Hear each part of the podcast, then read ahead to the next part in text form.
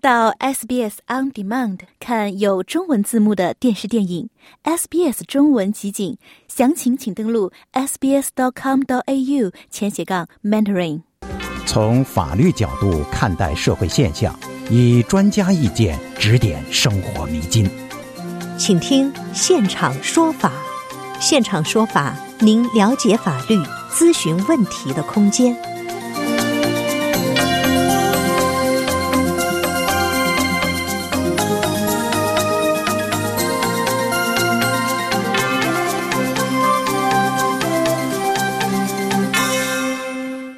听众朋友们，早上好！欢迎您继续收听 SBS 广播中文普通话节目周二早的现场说法听众热线节目。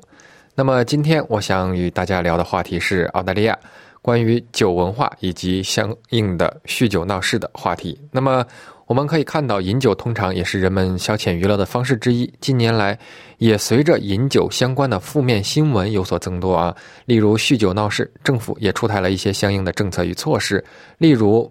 建立这个醒酒中心。那么，在澳大利亚遇到醉酒闹事，应当如何应对？在室内遇到酗酒甚至有潜在的安全风险，应当求助什么人呢？那么，在本期现场说法听众热线节目中，我们邀请 Model Cheng 律师事务所首席律师郑伟俊为大家讲解在遭遇醉酒闹事后需要的注意事项。那么呢，也非常欢迎您拨打热线电话一三零零七九九三二三一三零零七九九三二三咨询任何与法律有关的问题。首先，郑律师，早上好。喂，你好。哎，你好。今天在开始我们的具体的讨论之前，首先是这样一个案例啊，想跟大家分享一下。这是刊登于《每日电讯报》上的一则报道，是百万富翁之间的一次饮酒聚会上，据称其中一人用电锯威胁另一人，并在一场功夫挑战中踢了踢到了对方的腹股沟。那么，三十一岁的 Ray Fan Job。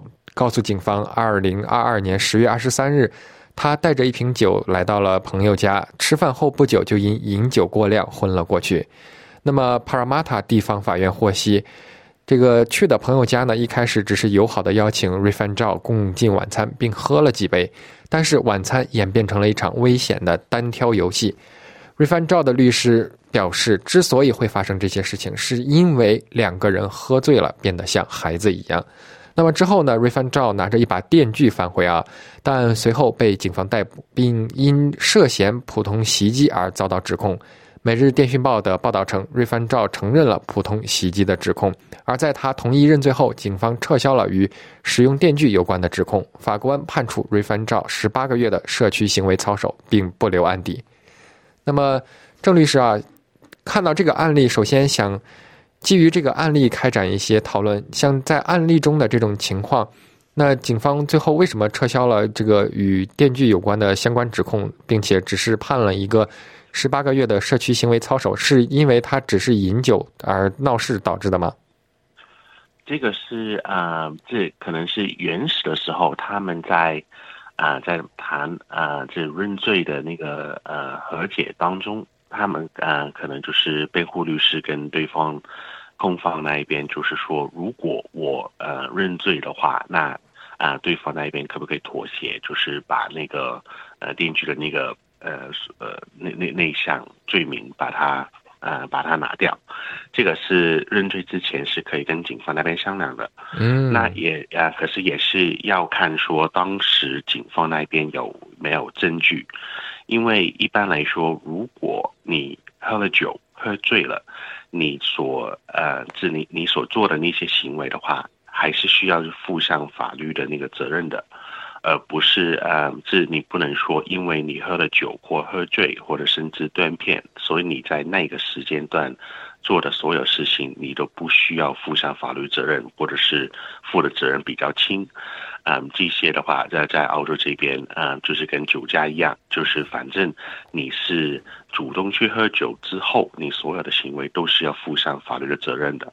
嗯，那么也就是说，根据案例来看，他其实还是有一些必要的责任无法逃脱掉的。对，那嗯，至于说没有留案底，然后就是法官只判了他那个服务令的话，那他会考虑当时的那个情况，他也没有前科。然后为什么他会导致到呃是会去呃是犯罪？嗯，那呃，在这一次的那个案子当中，呃，可能会看到呃，是双方都是有在喝酒，然后双方都是有呃是玩游戏调戏的行为，然后因为喝醉了才会有呃踢到对方的那个下方，所以法律法官会考虑这些因素来决定说他那个时候应不应该呃只留下一个罪名。嗯，那么基于这个案例啊，我们。平时应该也会遭遇或者说牵扯到这些可能会比较常见的醉酒闹事啊。那么说，在室外这种环境，或者就是我们走在大街上遇到这种醉酒闹事的情况，被迫牵扯到其中，应当去怎么做来规避一些潜在的危险，或者说法律伤害、法律上面的问责呢？嗯，那首先的话，那肯定是呃是保持距离，然后就是确保说自己跟你周围的人的那个安全。然后第二的话，这如果你是在公共地方的话，可能就呃只能做的可能就是保持距离，或者是把对方呃推开，呃或者用适当的那个呃那那个力度来去把它推开，呃然后就是寻找呃是比如说走进去店铺啊，或者是走进去别的地方来去呃寻租。那如果是在一个呃比如说酒吧或餐厅之类的话，那他肯定是要寻找。嗯，当那个店里里面的那个工作人员，或者是如果是酒吧的话，他们前面应该会有在某些时间段可能会有保安，啊，那当然是随时也是可以去报警来去解决这件事情。可是首先就是要先保持距离，嗯，保持在自己在一个安全的那个情况之下才报警，或者是寻找别人去帮你去报警，嗯。那这个在报警求助的情况下，应该是比较保守且稳妥的一个方案啊。那么这是也是说了，我们在遇到这种情况，我们尽量的先是离开现场，或者说是呃避免受到干扰。那么如果说是牵扯到人员伤亡，或者说我们被迫牵扯到其中，首先应当如何应对，以及包括后续的财物损坏或丢失应当怎么处理呢？那如果你是觉得对方造成呃是你的那个金钱上或者是身体上的一个危险，或者是有被呃是有被牵连进去的话，那你是可以用适当的一个呃。武力来去呃保护自己的，那这些的话有包含到呃把对方推开，呃或者是呃看当时的那个情况呃来去呃来去衡量说你去你你要不要做一个适当的一个反驳，这些是法律上是允许的。呃，可是当然是，如果你自己喝酒的话，可能你对于这个呃什么样的一个回应或反驳或者是什么的，是是不是适应的啊，或者是过于那个合理的一个范围之内，如果你自己喝了酒的话，可能会失去分寸。那在这个案子当中的话，他可能就是玩了这个游戏，你要去拿电锯的话，他可能就是喝多了失去了分寸的，所以这个也是要需要注意的。嗯，呃，那如果你是是呃有受到身体伤害或者是金钱的伤害的话，呃，除了通过警方呃来去呃向对方来去呃要求赔偿之外，你自己呃如果是特别是如果是呃自己的那个钱财有受到伤害的话，你是可以呃单独去起诉对方的，呃来去要求他赔偿你自己的损失。嗯。那么除此之外呢？赔偿损失是一方面，另一方面，醉酒闹事者会有什么样的惩戒措施呢？不同的州是否有不同的法律措施？呃，是有不用的法律措施老山呃，维州那一边的话，现在有那个呃酒醒的那个中心。嗯。那警方那一边的话，就可能呃是没有罚款，看到你喝多了或者是在路边闹事的情况之下，他可以把你拘在那个醒酒中心里面去呃过一晚，等你醒了之后才把你放出来。呃，警方呃在新州这边的话，呃，他如果你喝多了，而且是有在，呃，造成那个公共的一个危险，或者是呃过度的一个骚扰的话，他们也是可以逮捕你去最近的那个警局，然后让你是清醒一晚，你才呃才放你出去。可是，在新州目前来说的话，你必须是有犯罪呃的前提才能去呃把你拉走的。如果单纯是喝多了，呃，第一不造成任何人的一个危险，也不闹事，也不会骚扰到任何人的情况之下，他们也不不能去呃单纯是你喝多了把你去逮捕了。嗯。那么除此之外，州政府是否会有一些提供醒酒或戒酒的相关服务或者机构呢？像您刚才说的，维州目前是有这个醒酒中心的。那此外的话，新州或者还有其他州会不会有一些相关的或者说相似的这样的一个服务呢？嗯，对，有的，这些都是嗯，是政府提供的免费的那个服务。那如果嗯你是有呃牵连到啊呃酒醉的一个呃致导致你犯罪的一个罪名的话，那如果你去认罪或者是在法院的时候，呃，他们也是会看你有没有归议。那如果你是想要证明呃这你是日后呃从呃这从犯的那个几率是。比较低的话，那你就可以，呃，是让，呃，这他们这按律师帮你去证明说你事后呃有会会过，然后要去上这种呃戒酒的课程，或者是呃是怎么样才可以喝适量的酒，啊，这种课程是可以去上的。嗯，好的，谢谢郑律师这一时段的讲解啊，我们稍事休息一下，快速回顾一下国内国际的重大新闻事件。我们看到已经有听众。接在线上了，稍后回来接听听众电话。听众朋友们，欢迎回来。在刚才的讲解中啊，郑律师从案例出发，给我们详细讲解了关于遇到酗酒闹事应当有如何的应对政策。那么，此时我们已经看到线上有人打进电话，我们先接听听众电话。这位是洪先生，洪先生你好。哎，郑律师你好，主持人你好。哎，你好。嗯，关于喝酒的场合，我想咨询一下，什么区域是不合法的？比如说，有一些它会有明确的标识，比如说是 dry zone 就不能喝酒。那有没有其他就是一些常识性不能喝酒的地方呢？还是只有特定的规定的区域才能喝酒？比如说家里或者是酒吧，其他公共场合都是不能喝酒的。呃，一般来说，公共场合是呃，这呃，公共的地方是不能喝酒的。那有一些地方的话是呃，带着酒都不能的。是比如说，呃，在呃市区里面是，比如说悉尼 CBD 有一个 CBD 的那个区域，呃，就是说，除非你是在一个呃酒吧或者是有一个呃这酒牌的一个范围里面，都不能嗯喝酒。那这个的话，当然是自己家里的话是可以的，因为这个是你自己控制的一个区域。可是如果是在路边，或者是在公园，或者是在呃海边，呃这这些地方的话，呃都不能呃都都都是不能喝酒的。呃，这他在这种地方的话，进去之前一般都会有一个告示牌，就是说这个是嗯这市政府规定的是不能带酒或者是不能喝酒的那些地方。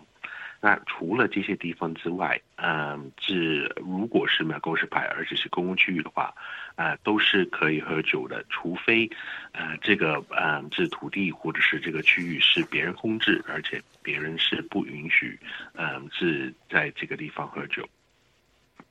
嗯，好的，谢谢张律师。我第二个问题是关于租房方面的，因为作为留学生，我经常会从房东那里直接租房。啊，和房东住在一起，嗯，但是好像就只是签一个 agreement，呃，tenant agreement，这种是不是没有法律效力？对于房客和房东来说，都会有哪些风险？嗯，如果你一旦居住，然后开始支付房租的话，其实这个的话就是已经引起了一个租客跟房东这个关系。呃，那有没有一个签署好的一个书面协议的话，也不，呃，也不会影响到呃双方的这个权益。呃，比如说，呃，如果你是租一个房间而已的话，呃，那呃，你可能会呃受到的那个呃标准的这个法律条例的保护可能会比较少。可是如果你是租了整套啊啊，比如说公寓的话，那你的权利的话就是会比较明确。嗯，所以就。你们的书面书书面上的那个协议，嗯，可以来去规范你们双方的那个关系。可是如果，嗯，你的协议是没有规范到某一些，呃，这区呃领域的话，那还是会有普通的一个呃法法规来去管制双方的那个关系的。嗯，好的，郑律师，我未来的话两年之内有买房的打算，嗯，然后第一套房呢打算是自住房，但可能除了我自己住以外，我能不能把其他的，比如说一两间卧室租给其他人？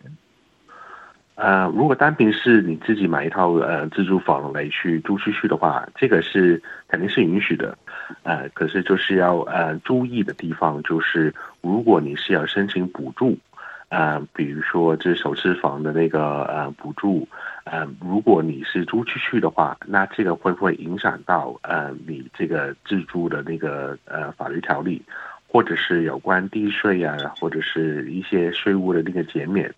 如果你租出去的那个范围或者是收入的话，是跟一个自自租房的不成对比的话，那你可能会去失去了一些自租房的一些一些税务的优惠。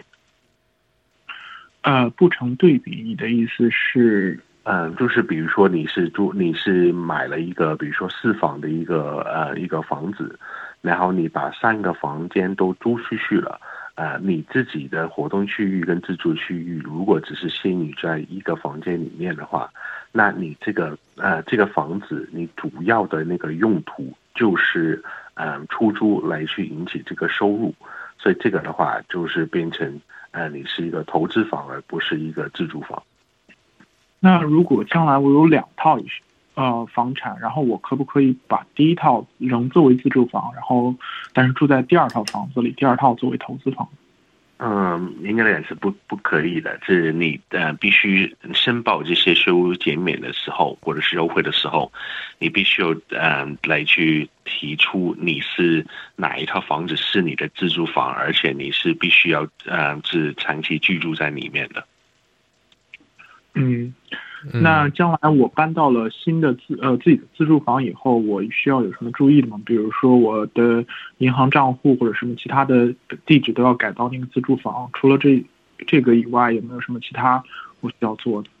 呃，如果是要证明是你的自住房的话，那就是比如水电煤的这个账号是是开在你的名下。然后，嗯，就是嗯，是平常使用的这些这信件呐，呃，看守啊那些信信件，如果是寄到你这个地址的话，也是可以逐一证明的。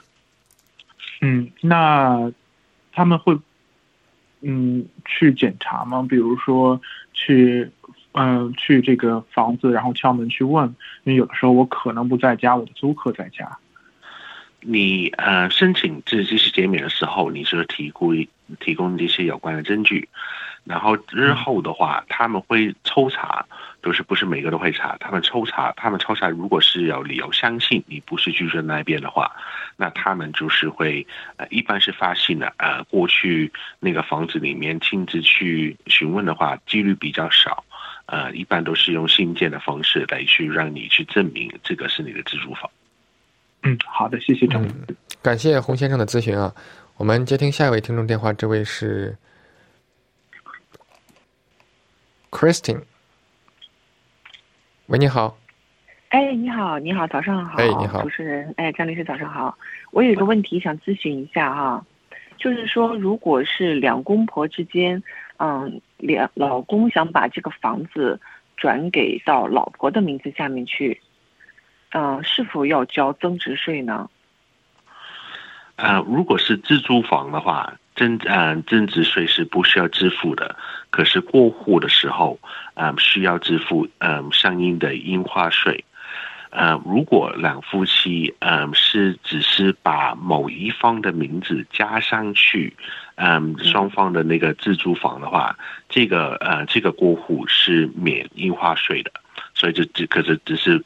过户一半给自己的配偶，而且必须是自住房。那如果是全呃这整套房子都是过户给呃是配偶的话，那是需要付呃这市场这个房子那个市场价相应的印花税。哦。在在这个是因为他们这个情况呢，就是有一点特殊，嗯，就是说我这个朋友呢，他们之前呢都是海外人士，也就是最近刚刚拿到了这个 PR，但是这套房子呢，在那个海外人士的时候呢，是已经是购买了的，但是海外人士是可以购买一套自住房的嘛？这套房子是，而且他在澳大利亚呢，只是拥有这一套自住房，只有这一套房子是在他们的名下的。那这种情况下，啊，是不是说也是说不用不用支付那个嗯嗯那个增值税的？啊。呃，可以这么说，这一每个人都是这。如果你是这是海外人，是，你如果能证明到这个是你的自住房的话，那是可以避呃避免这个呃增值税的。可是如果你海外人士是没有居住在澳洲，或者是没有相关的那个签证可以让你居住在澳洲的话，那你去申请这个呃增值税的那个豁免的话，就会比较比较难。呃，因为你一直在海外，嗯，或者是你没有签证来长期居住在呃欧洲的话，那你这样子都呃申请不了这个增值税的那个减免了。那那我可以理解为就是说，如果因为之前是三年疫情，他们没有办法回来，那现在等于是刚刚今年开放的时候呢，他们就正好刚好拿到 PR 了，然后就又回到澳洲来。那这种情况下，那他们是需。是要申请这个嗯增值税的豁免先吗？对他们是要呃申请是通过呃通过会计来去申请这个增值税的豁免，然后就是要去递交这些呃原因，可能就是不可控的因素，疫情呃疫情的关系，他不能去呃。符合那个居住的那个时间，可是他是有，呃，是相关的那个签证，呃，是可以，那个那个时候是可以是，如果没有疫情或者是那些不可控的因素的话，是可以居住在澳洲的。OK，好的，好的，嗯，那我明白了，好的，谢谢，非常感谢，非常感谢，嗯嗯，好，谢谢。我们稍事休息一下，继续回来接听听众电话。喂，你好。喂。啊，唐女士。哎，你好，你好，哎，主持人，主持人和律师早上好，我想咨询一个问题，因为我住的房子楼上是租客，租客呢，他那个热水器坏了以后呢，一直在漏水，据他说，他跟他那个 A 级打了一百次电话，A 级不来，不问不管，直到水全都漏到我下面的。Living room，这个 C 里上面全冒出了那个梅花点，然后我上去找租客了，他才说出这个情况，我就和我的那个 Strada 联系了，Strada 再和他的那个 Strada 联系以后，他们来看，来看了以后呢，也到我的那个房间里面来看，看好以后呢，把他那个就是热水器修好了以后，他我下面的他就不管了。我和我的那个 Strada 呢，讲了这个情况，拍了照片给我的 Strada 看，Strada 也传到给对方的 Strada 看，但是现在他们仍没有回应。我想请问律师，我该怎么办？谢谢。啊，你你们的房东是同一个吗？还是是不一样的房东？只是同同一个大楼而已。我们只是同一个大楼。嗯，了解。啊，那你是可以，这如果你是租房子的话，你是我是我是房东，啊，我就是自己 owner，对，嗯嗯。那这种情况的话，如果 strata 是呃不协助的话，那你就是要通过呃，这你你要通过呃你自己来去向对方那一边来去呃提出诉讼。那提出诉讼的话，不嗯不不是提呃向这个房客。是提呃向你楼上的这个房东提出诉讼，就是说，因为他他们或者是他们的住客，嗯，使用或者是他们的热水器，造成你楼下你们的那个公寓受到致损害，然后就是要求他们去呃维修。呃，那他们如果是要买保险的话，他们就可以卷到自己的保险里面。如果是没有保险的话，那你可以先去找人去提出一个报价，那个报价大概是多少钱，来去修你那个天花板。然后就是你去向对方提出那个诉求的时候，就是呃列出呃这个，要不然就是他们维修，要不然的话就是赔偿你多少钱来去呃自修你那个天花板。哦，我只要去就是投诉楼上的那个房东就可以了，是吧？哦，不要去找，不要去找对方的呃楼上的那个 strata。呃，你们那个 strata 应该是同一同一同一家 strata 不是一个不呃不是同一个 strata。嗯啊，如如果不是同一个 strata，那你就得向直接向对方的这个房东啊来去提出那个诉求。哦，好的，好的，好的，好，谢谢你。嗯，我今天得到回答，我可以有自卫权了。行，谢谢唐女士的电话。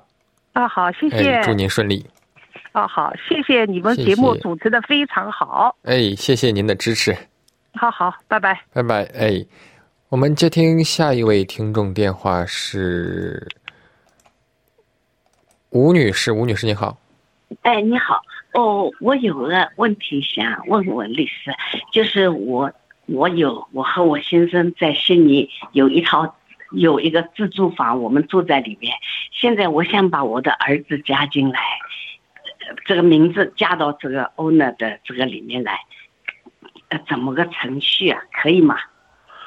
啊，这个是可以的。那嗯，这这个是需要通过律师去帮你去办理这个过户的这个手续。那呃，首先的话，嗯，你过户给儿子，或者是把他名字加上去的话，都是要支付这个印花税的。那嗯，支付的这个嗯资产价的这个比例，就是看如果你是准一半给儿子的话，那你就是要付相应的嗯这一半的那个印花税。那如果你这个房子是有贷款的话，你也需要先通过银行的同意啊，因为他们嗯只呃他们可能会有注册一个抵押啊在你的那个土地上面。所以，如果家人名字上去的话，可能要去调整你原始的这个借款。啊，如果如果我没有贷款，呃，已经都全部付清了，问题是把名字加进来，除了付印花税，其他还要付什么费用吧？啊，就是这个过户费，就是呃，是那个土地处的那个注册费，然后你为了去嗯，是。嗯，算那个印花税的话，你可能需要去付钱去做一个独立的一个呃市场价评估，就是呃，这因为你那个印花税是按照市场价来去定的，所以你需要找一个人帮你去做一个市场价评估，然后来去计算这个印花税。啊，好的，就是就是这个费用，其他没有什么，我不是就是把它加进来有三分之一而已。啊，对，所以就是第一就是拿市场评估啊，这个是一个费用。第二的话就是支付啊，在你这个案子里面就是付三分之一相应的那个印花税，然后土地处的过户费，然后呃是你呃你委托的那个律师相关的那个手续费。哦，OK，这些都都律师可以办的是吧？对对，律师就可以帮你办。对。哦，OK，好，谢谢郑律师。嗯，也谢谢主持人，你们有这个。问呃，这个寂寞的安排，给我们很多方便。嗯，好的，谢谢您的支持。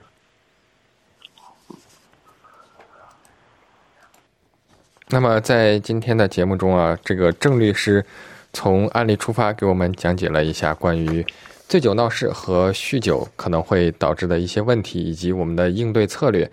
那么，还是跟大家简单回顾一下。那么遇到这个情况呢，如果牵扯其中，首先要。尽量的疏远，保证自己的安全。其他的情况下，就可以去寻找警察的帮助，因为警察是可以有权利和义务带你去醒酒，或者说警察是会有权利和义务带你去，或者说制止这个事件的发生。那么，非常感谢郑律师今天的参与和大家的耐心讲解。那么，个人情况呢，因人而异，法律问题复杂，本节目仅供一般性参考，并无意提供任何个案法律建议。具体的法律纠纷，请您咨询专业的律师。如果无法参与到电台的半小时节目中，可以拨打我们的热线，可以在我们的网站上 sbs.com.au 前斜杠 Chinese 来咨询，或者来点击获取更多的新闻内容。感谢您今天的收听，欢迎您明天同一时间一起来继续相约 SBS 普通话新闻。